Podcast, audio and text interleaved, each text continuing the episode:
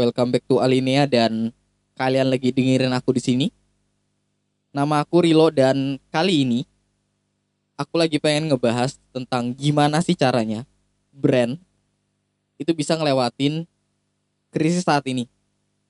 Saat ini kita tahu bahwasannya virus corona ini telah masuk ke Indonesia, telah banyak mengubah pola hidup kita.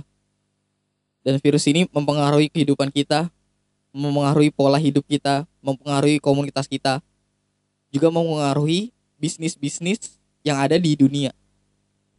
Dari bisnis usaha besar sampai usaha menengah ke bawah. Jadi sudah hampir 2 sampai 3 bulan saat ini wabah corona ini menyebar di Indonesia dan bukan cuma soal kesehatan tetapi juga imbasnya virus ini banyak berpengaruh ke dunia usaha. Dalam hal seperti ini, kita sebagai pelaku usaha perlu lebih bekerja untuk mengusahakan gimana caranya bisnis kita itu bisa tetap bergerak. Kita perlu lebih cepat tanggap menghadapi kondisi saat ini. Jadi di sini aku ngobrol-ngobrol aja. Jadi dampak virus ini ngebuat masyarakat jadi panik buying. Beberapa masyarakat membeli banyak makanan buat stok di rumah.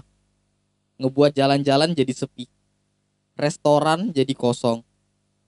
Jadi kota itu jadi seperti kota mati. Dan saat ini brand perlu memposisikan diri mereka untuk lebih peduli terhadap wabah ini, terhadap virus ini. Mulai dari memberikan edukasi, pentingnya di rumah aja, dan higienitas. Ada seseorang yang berkata, kalau kamu itu nggak bisa ngontrol apa yang terjadi, tapi kamu bisa mengontrol apa yang kamu lakukan terhadap kejadian itu.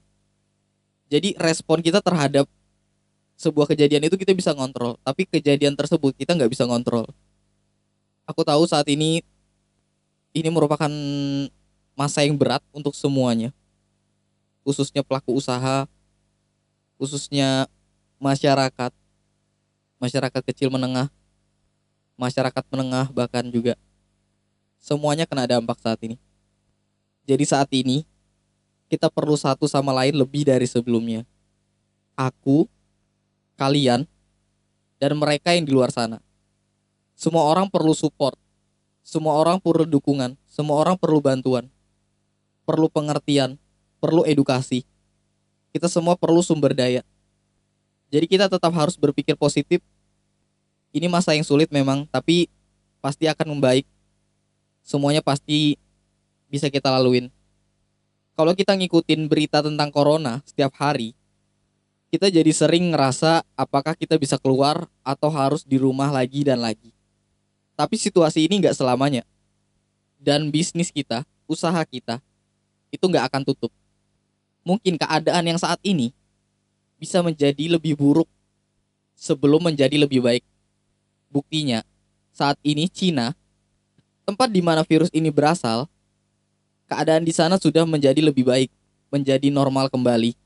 Dari yang awalnya mereka memiliki ribuan virus dan harus melockdown kotanya, saat ini tersisa hanya puluhan kasus yang masih ada dan kebanyakan merupakan virus bawaan dari luar negeri. Jadi ini merupakan gangguan bagi bisnis. Tapi ketika keadaan normal kembali, tentunya kita nggak ingin bisnis kita ketinggalan dari pesaing kita untuk mendapatkan kembali potensi pendapatan kita yang hilang. Jadi saat ini yang pertama kita perlu tahu dulu sebenarnya brand kita itu apa kita perlu paham dulu brand kita itu apa. Jadi saat ini bukan tentang ngelihat apa yang orang lain lakukan, lalu kita mengikutinya. Ini tentang kita bagaimana memahami peran apa yang dapat brand kita berikan ke masyarakat. Bagaimana brand kita bisa ngerubah masyarakat, bagaimana brand kita bisa menolong dan berguna saat masa seperti ini. Dan ini juga merupakan kesempatan untuk brand lebih terlihat jika kita melakukannya dengan benar. Lalu kita perlu tetap update dengan apa yang terjadi saat ini. Aku tahu semua saat ini berubah dengan cepat berita-berita banyak banget dan apa yang menjadi berita baik di hari ini mungkin bisa menjadi berita buruk di besok. Jadi kita harus tetap update dengan berita dan bertanggung jawab dengan apa konteks sebelum kita ngebalas berita itu, ngekomen atau ngejebarin berita itu. Dan sebaiknya saat ini lebih baik kita juga perlu diam. Sebaiknya kita nggak perlu melakukan sesuatu atau berkata sesuatu sama sekali terkait berita-berita yang disebarkan di internet. Lalu kita juga perlu jaga orang-orang kita. Saat ini banyak berita yang simpang siur dan terkadang jadi miskom. Jadi seharusnya kita ngejaga staff atau karyawan kita agar mereka tidak terkena dampak dampak psikologis dari berita-berita yang tersebar saat ini. Dan tiga, juga terkena dengan hoax. Kita juga perlu ngejaga karyawan kita. Kalau memang kita bisa bekerja dari rumah, maka saat ini kita bisa mempekerjakan karyawan kita dari rumah mereka masing-masing. Kita bisa kerja dari rumah, rapat dari rumah, untuk mengkomunikasikan semuanya dengan tim kita. Tapi jika brand kita harus berinteraksi dengan konsumen secara langsung, maka kita bisa ngurangin jam operasional kita. Kita juga bisa ngeberikan panduan kepada karyawan kita berisi informasi penting mengenai berita-berita terhadap krisis saat ini.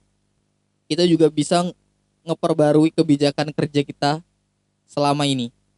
Jadi mereka saat menerima informasi itu nggak simpang siur, hanya dari satu tempat kita perlu memberikan mereka satu tempat informasi saja. Dan saat ini komunikasi itu dibutuhkan banget. Kita semua saat ini berurusan dengan dampak dari virus corona ini. Dan ini memang mempengaruhi kehidupan kita. Entah itu kita sudah dites atau belum dites, kita semua saat ini melakukan tindakan pencegahan.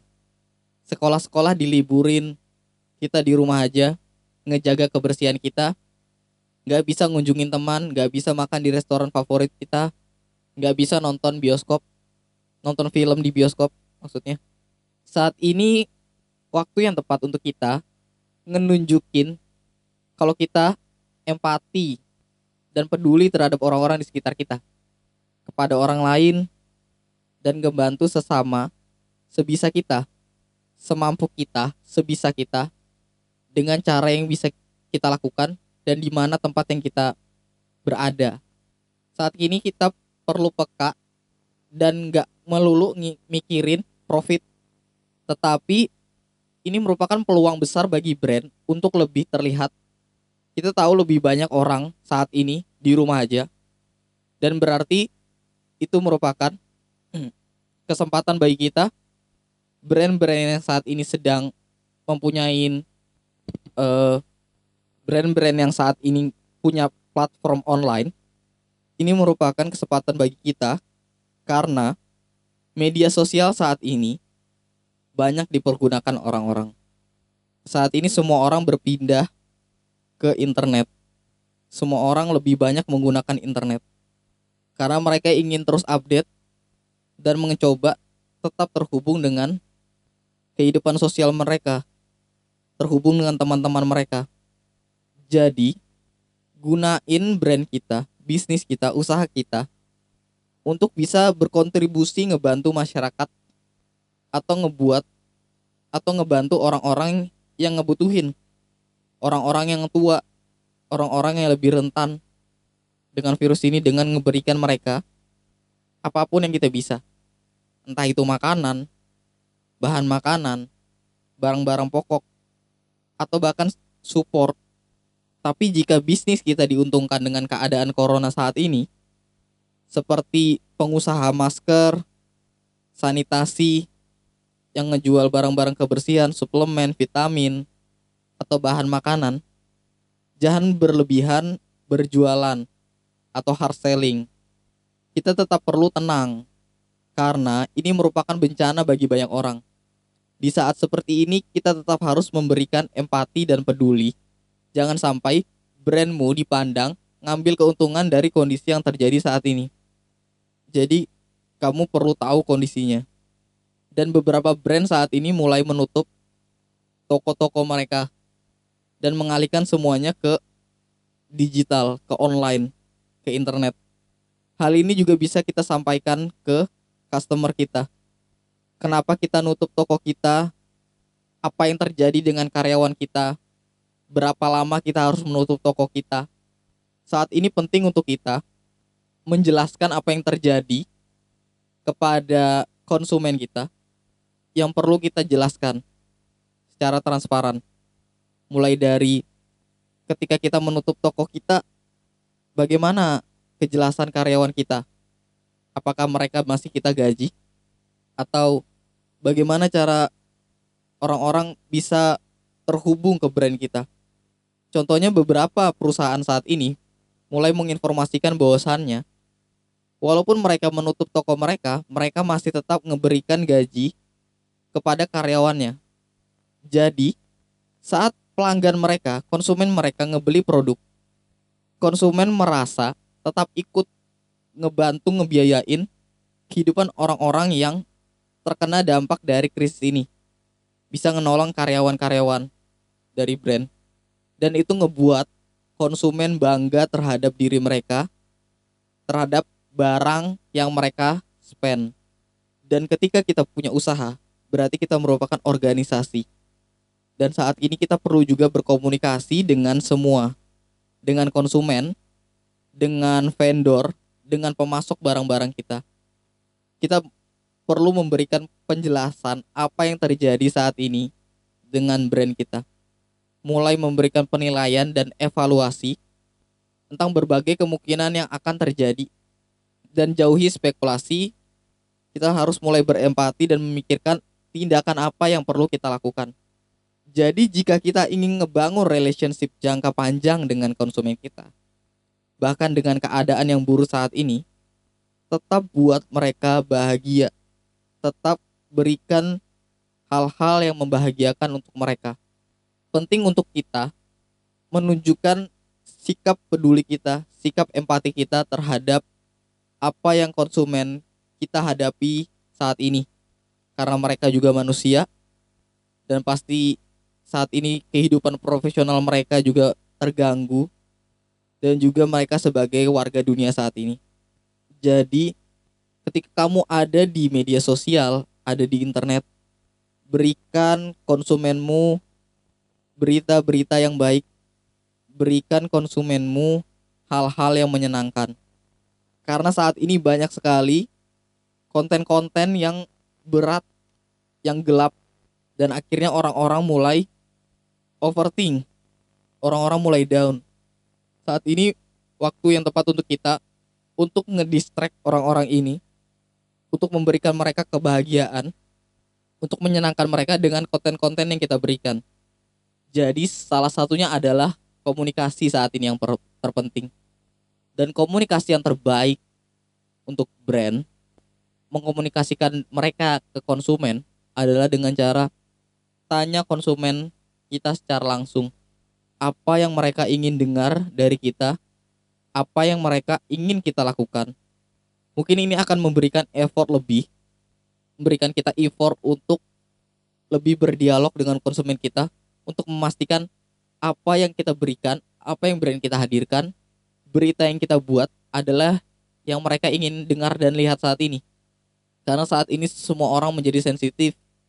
Karena saat ini semua orang mulai down, saat ini waktunya memang sensitif jadi berikan yang terbaik untuk konsumen dan bukan berarti karena banyak orang saat ini mulai melakukan sesuatu yang tampak kamu juga perlu melakukannya dengan cara yang sama. Jadi saat ini kalian perlu coba berpikir untuk mengubah marketing strategi kalian. Apakah memang sudah benar atau belum? Karena dalam hal-hal yang nggak terprediksi saat ini, kita sebagai brand tetap harus menunjukkan diri kita sendiri untuk tetap menjadi brand kita. Menjadi lebih autentik, transparan, dan juga berempati.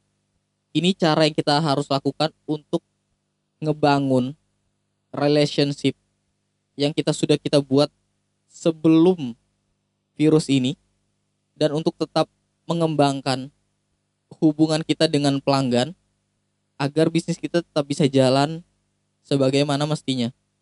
Memang nggak ada panduan baku gimana seharusnya kita berkomunikasi dengan pelanggan kita saat ini. Apa yang informasi yang harus kita sampaikan atau seberapa banyak kita selalu memberikan updatean kepada pelanggan kita. Karena mungkin yang bagus untuk satu brand nggak berlaku juga untuk brand lain. Mungkin ke depannya semakin banyak perubahan yang akan terjadi. Jadi gimana kita tetap bisa beradaptasi dengan keadaan saat ini dan ngubah plan-plan kita sesuai dengan apa yang kita butuhin. Dan saat ini memang sebagai pelajaran bagi kita semua. Pelajaran yang memang susah banget. Pelajaran di mana kita bisa memikirkan ke mana arah kita untuk belajar lebih cepat, beradaptasi lebih cepat, dan mendengarkan apa yang konsumen kita inginkan untuk mendapatkan insight-insight baru untuk kita tetap bertahan dengan cara yang paling terbaik. Selama periode waktu yang gak pasti ini, kita memiliki kesempatan untuk menunjukkan dukungan kita kepada konsumen dengan nawarin beberapa special offering, diskon khusus untuk ngebuat income kita tetap berjalan. Jadi identifikasikan apa yang pasar kita butuhkan terhadap brand kita dan buat penawaran khusus terhadapnya. Karena banyak orang di rumah saat ini, tapi mereka mempunyai sifat konsumtif juga. Mereka tetap pengen membeli barang, mereka tetap pengen membeli makanan, membeli brand-brand, tapi mereka nggak tahu caranya. Dan mereka juga ingin mendapatkan diskon untuk tetap menghemat uang mereka selama masa sulit seperti ini. Jadi ini cara yang bagus untuk kita untuk ikut terlibat dengan konsumen dan juga nge ngejaga income kita. Jadi kita perlu cari strategi baru untuk brand kita. Jika keadaan pasar sudah sehat, kita tetap stay, kita tetap bertahan. Dan saat ini semua orang mencari tempat terdekat untuk mereka mendapatkan apa yang mereka butuhkan. Jadi kita perlu tahu pasar terdekat kita saat ini. Pangsa pasar kita, konsumen kita saat ini. Jadi perkenalkan brand kita kepada lingkungan yang ada di sekitar kita. Jadi saat semua orang mencari kenyamanan lebih saat ini, ini memberikan brand kita kesempatan untuk memberikan bantuan selama masa krisis bagi mereka memang saat ini kita semua dipenuhin dengan informasi informasi yang ada. Mulai dari hal-hal yang penting sampai bahkan beberapa yang mengganggu otak kita. Kebanyakan brand juga saat ini mulai memberikan informasi kepada pelanggannya untuk tetap terhubung. Mulai dari informasi di media sosial bahkan sampai ke email. Jadi sebaiknya informasi yang diberikan oleh brand kita saat ini adalah informasi yang berguna bukan cuman yang memperlihatkan bahwasannya kita higienis atau karyawan kita sedang melakukan cuci tangan. Tetapi lebih bagaimana proses dan prosedur dari produk kita. Bagaimana kita ngebuatnya, lalu apakah ada keterlambatan pengiriman barang. Jika memang ada atau kita kehabisan stok atau ada perubahan aturan dari pemerintah yang dapat berdampak kepada brand kita, hal-hal yang seperti ini yang saat ini penting untuk brand bagikan kepada pelanggan. Dan salah satunya saat ini yang kita butuhkan adalah media sosial. Media sosial saat ini menjadi tempat di mana kita bisa ngebrandingin dan masarin produk kita. Karena saat semua orang di rumah aja, lebih banyak orang menghabiskan waktunya dengan ngelihat sosial media. Mulai dari Twitter, Facebook, Instagram, lebih banyak waktu yang dihabiskan di media sosial saat ini. Jadi kita perlu maksimalkan jaringan dan aset online kita yang kita milikin saat ini.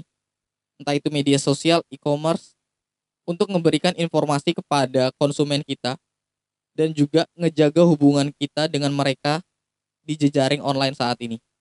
Karena apa pun yang berada di jejaring online saat ini, di media sosial saat ini, lebih mudah dikonsumsi oleh konsumen daripada sebelumnya. Lebih banyak dibeli. Karena semua orang saat ini di rumah aja. Kita harus paham strategi pemasaran kita, marketing kita, untuk menaikkan bisnis kita dan ngebuat brand kita lebih dilihat oleh konsumen yang ada di media sosial. Karena semua orang saat ini masih perlu memesan dan ngebutuhkan barang-barang bahkan ketika mereka hanya di rumah aja, ketika kita di rumah aja. Kita harus sadar kalau virus ini nggak selamanya, jadi saat brand kita berkembang dan dikenal lebih banyak masyarakat, maka saat keadaan normal kembali, brand kita akan tetap memiliki konsumennya. Lalu saat ini banyak sekali brand-brand yang sudah mulai pivot, sudah mulai merubah bentuk penjualan mereka. Jadi kita harus bisa pivot. Kita harus bisa membuat strategi apa yang harus kita lakukan. Memilih banyak cara untuk memungkinkan konsumen kita tetap terhubung dengan kita pada saat seperti ini. Misalnya, orang-orang saat ini nggak bisa datang ke restoran karena kita harus stay di rumah aja. Jadi kita yang antarkan makanan kita ke rumah-rumah mereka. Berikan mereka pelayanan pengiriman gratis atau hal-hal lain. Beberapa restoran saat ini juga sudah mulai melakukan banyak cara. Mulai ngeberikan pengiriman gratis sampai ke rumah mereka. Ada yang e, menentukan titik-titik tertentu untuk diambil makanannya atau membuat drive thru jadi kita harus bisa pivot, memikirkan cara lain agar bisnis kita tetap berjalan. Kita tahu banyak tempat gym saat ini sudah tutup, tempat kursus saat ini juga sudah tutup. Jadi kenapa tempat-tempat yang udah tutup ini nggak nawarkan latihan atau belajar online? Atau dokter gigi saat ini bagaimana? Dia bisa membuat konsultasi online. Toko-toko kecil seperti penjual sayur, pedagang eceran, perlu memasarkan dagangan mereka di media sosial untuk memberitahukan kalau mereka tetap bisa dijangkau dengan berbagai cara seperti pengiriman gratis tadi, mulai memberikan informasi terkait nomor yang mereka bisa hubungin untuk membeli barang-barang mereka. Jadi kita perlu memikirkan inovasi apa yang bisa menangkap kebutuhan konsumen sekarang. Jadi brand saat ini memang harus tetap tenang pemilik brand saat ini harus tetap tenang. Berapa banyak bahan makanan yang kita tumpuk saat ini? Apakah kamu udah numpuk banyak makanan dan mungkin cukup untuk ngebuat kamu hidup enam bulan ke depan? Kalau kamu termasuk orang-orang yang ngebeli makanan sebanyak ini, berbondong-bondong ke toko, dan akhirnya panik buying, membeli banyak hal yang bahkan mungkin nggak kita perlukan untuk kamu bertahan saat ini adalah kamu perlu berpikir untuk tetap tenang. Karena saat kita berpikir dalam keadaan kita panik reaksi spontan yang kita ambil dalam kepanikan biasanya nggak berakhir baik. Jadi kita perlu berhati-hati untuk bereaksi terhadap perubahan mendadak dari ekonomi atau pasar saat ini. Karena aku kembali tekankan kalau ekonomi saat ini sebenarnya nggak berhenti total. Semua orang masih memiliki hasrat untuk memiliki dan membeli barang. Cuman kita nggak tahu aja caranya gimana sih caranya kita untuk ngejangkau atau ngebeli barang itu. Makanya saat ini brand-brand perlu sadar akan hal ini. Ekonomi itu nggak berhenti. Pemilik rumah masih ngebutuhin penyedia jasa kebersihan rumah orang-orang masih ingin ngebeli barang dan menggunakan jasa. Uang masih berpindah dari tangan satu ke tangan lain. Konsumen masih ngandalin sosial media, Google, Facebook, Instagram, Twitter untuk menemukan bisnis, untuk menemukan orang, untuk menemukan brand. Jiwa konsumtif ini selalu ada diri kita. Jadi karena saat ini kita lebih banyak memiliki waktu luang karena kita lagi nggak ke kantor, nggak melakukan pertemuan banyak dengan banyak orang. Sekarang saatnya kita mulai ngemikirin untuk strategi bisnis apa yang kita ambil. Plan bisnis apa yang kita bisa lakukan. Pengembangan brand kita. Mungkin saat ini kita nggak punya situs web. Atau mungkin situsnya udah jadul tampilannya. Atau sosial media kita udah nggak update. Atau plan bisnis kita udah nggak update nih. Jadi saat ini, saatnya kita untuk memikirkan banyak hal untuk mengembangkan potensi-potensi yang ada di brand kita. Karena mungkin banyak hal yang kita lupakan saat keadaan lagi baik-baik aja. Jadi ini waktu yang tepat untuk kita ningkatin brand kita, ningkatin usaha kita untuk ngerevisi strategi bisnis kita, strategi marketing kita. Jadi coba cari apa yang konsumen butuhin saat ini dan apa yang harus kita lakukan. Banyak dari kita saat ini mulai memikirkan untuk memberikan pengiriman gratis, free delivery.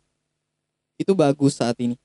Tapi ketika semua orang memikirkan hal sama dan melakukannya, apa yang berbeda di antara brand kita dengan brand lain? Jadi kita perlu untuk tetap tenang, untuk tidak panik dan memikirkan hal-hal yang lebih niche, lebih peduli dengan konsumen. Jadi kamu perlu lebih peduli dengan konsumen dan cari cara gimana agar tetap ngejaga kualitas hubunganmu dengan konsumen. Banyak saat ini brand-brand sudah menjelaskan usaha usaha udah ngejelasin kalau mereka saat ini dalam keadaan yang berat. Ada brand-brand usaha-usaha yang memberikan membuat jadi saat ini banyak brand-brand mulai memberikan informasi bahwasannya mereka sedang dalam keadaan terpuruk, sedang down. Dan mereka ngebutuhkan bantuan dari konsumen. Ada beberapa yang bahkan ngebuat donasi untuk tetap memberikan karyawan mereka penghidupan, untuk memberikan gaji kepada karyawan mereka. Dan imbalannya apa? Imbalannya salah satunya adalah mereka memberikan voucher gift card. Jadi voucher ini bisa digunakan oleh konsumen saat keadaan sudah membaik. Itu salah satu yang bisa dilakukan. Dan beberapa brand besar saat ini mulai memberikan pelayanan yang lebih effort lebih. Bahkan ada yang memberikan hal-hal yang gratis.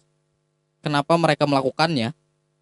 Karena setelah semua ini selesai, setelah wabah ini selesai, pandemi ini selesai, bukan nggak mungkin apa yang konsumen potensial mereka dapatkan di saat ini akan menjadi konsumen baru yang udah sangat terikat dengan brand mereka. Karena brand-brand ini lebih peduli terhadap masyarakat. Jadi kita perlu tetap berikan pelayanan yang loyal kepada konsumen kita di saat yang seperti ini. Dari kualitas hingga respon kita terhadap pelanggan. Tetap kita harus jaga, tetap kita harus bangun. Jadi walaupun kondisi saat ini sedang tidak baik, buat konsumen kita yakin kalau usaha yang dilakukan oleh brand kita adalah yang terbaik untuk konsumen kita Lalu jika memang kondisi dari brand kita nggak memungkinkan, komunikasikan dengan jujur ke pelanggan apa yang sebenarnya terjadi saat ini. Jadi saat ini memang bukan waktunya untuk kita bersaing satu sama lain, tetapi untuk berusaha bersama-sama dalam keadaan seperti ini. Dan mungkin ini juga salah satu cara kita untuk berkolaborasi dengan brand-brand lain. Jadi kita perlu tahu apa masalah yang kita hadapin saat ini. Apa yang brand kita hadapin saat ini.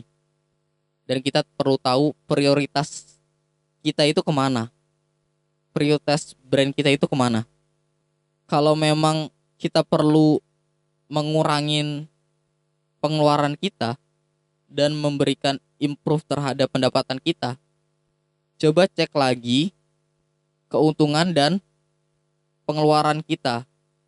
Kira-kira produk kita ini udah bener nggak? Apakah barang bahan-bahan bakunya ini kita bisa cari yang lebih murah nggak sih?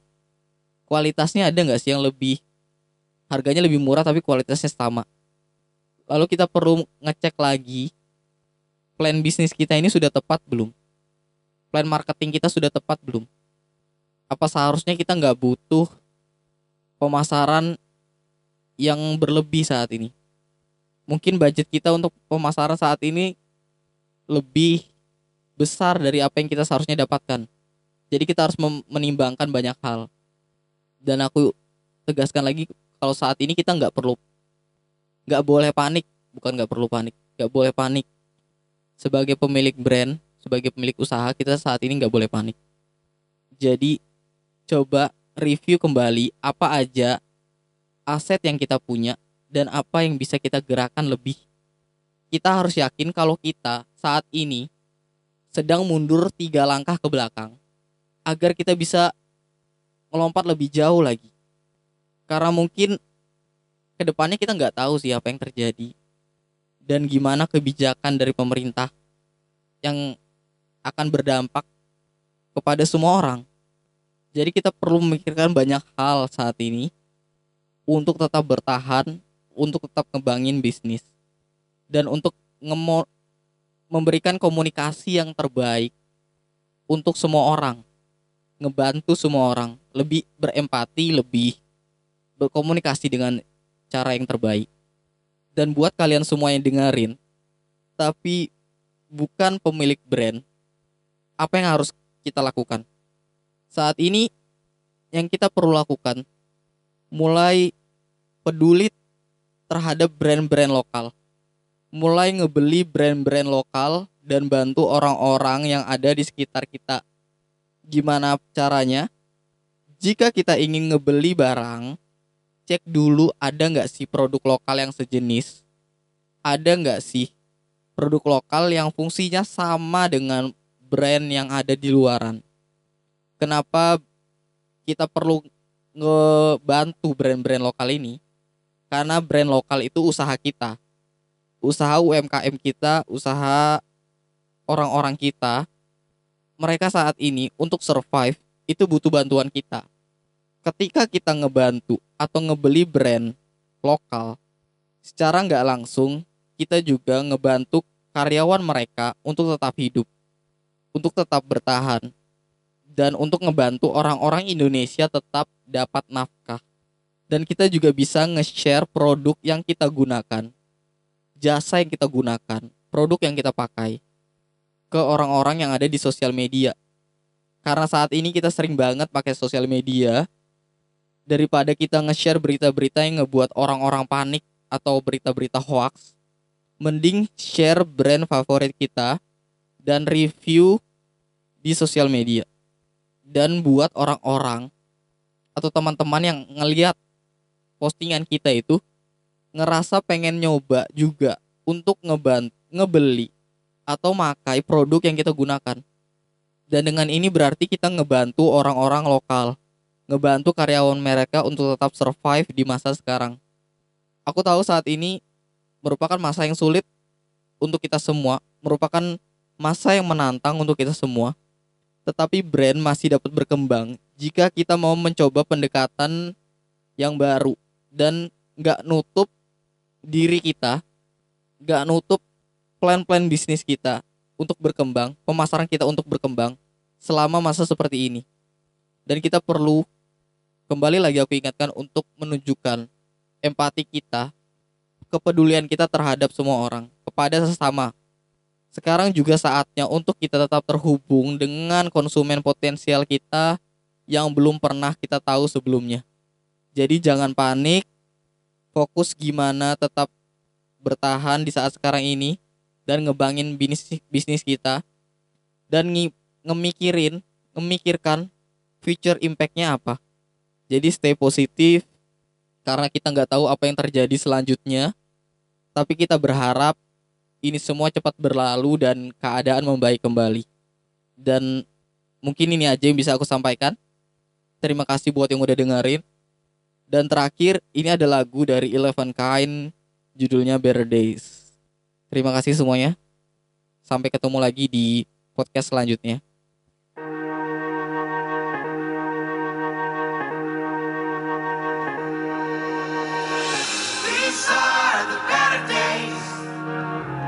If not today, must be tomorrow. If not today, must be. These are the better days. If not today.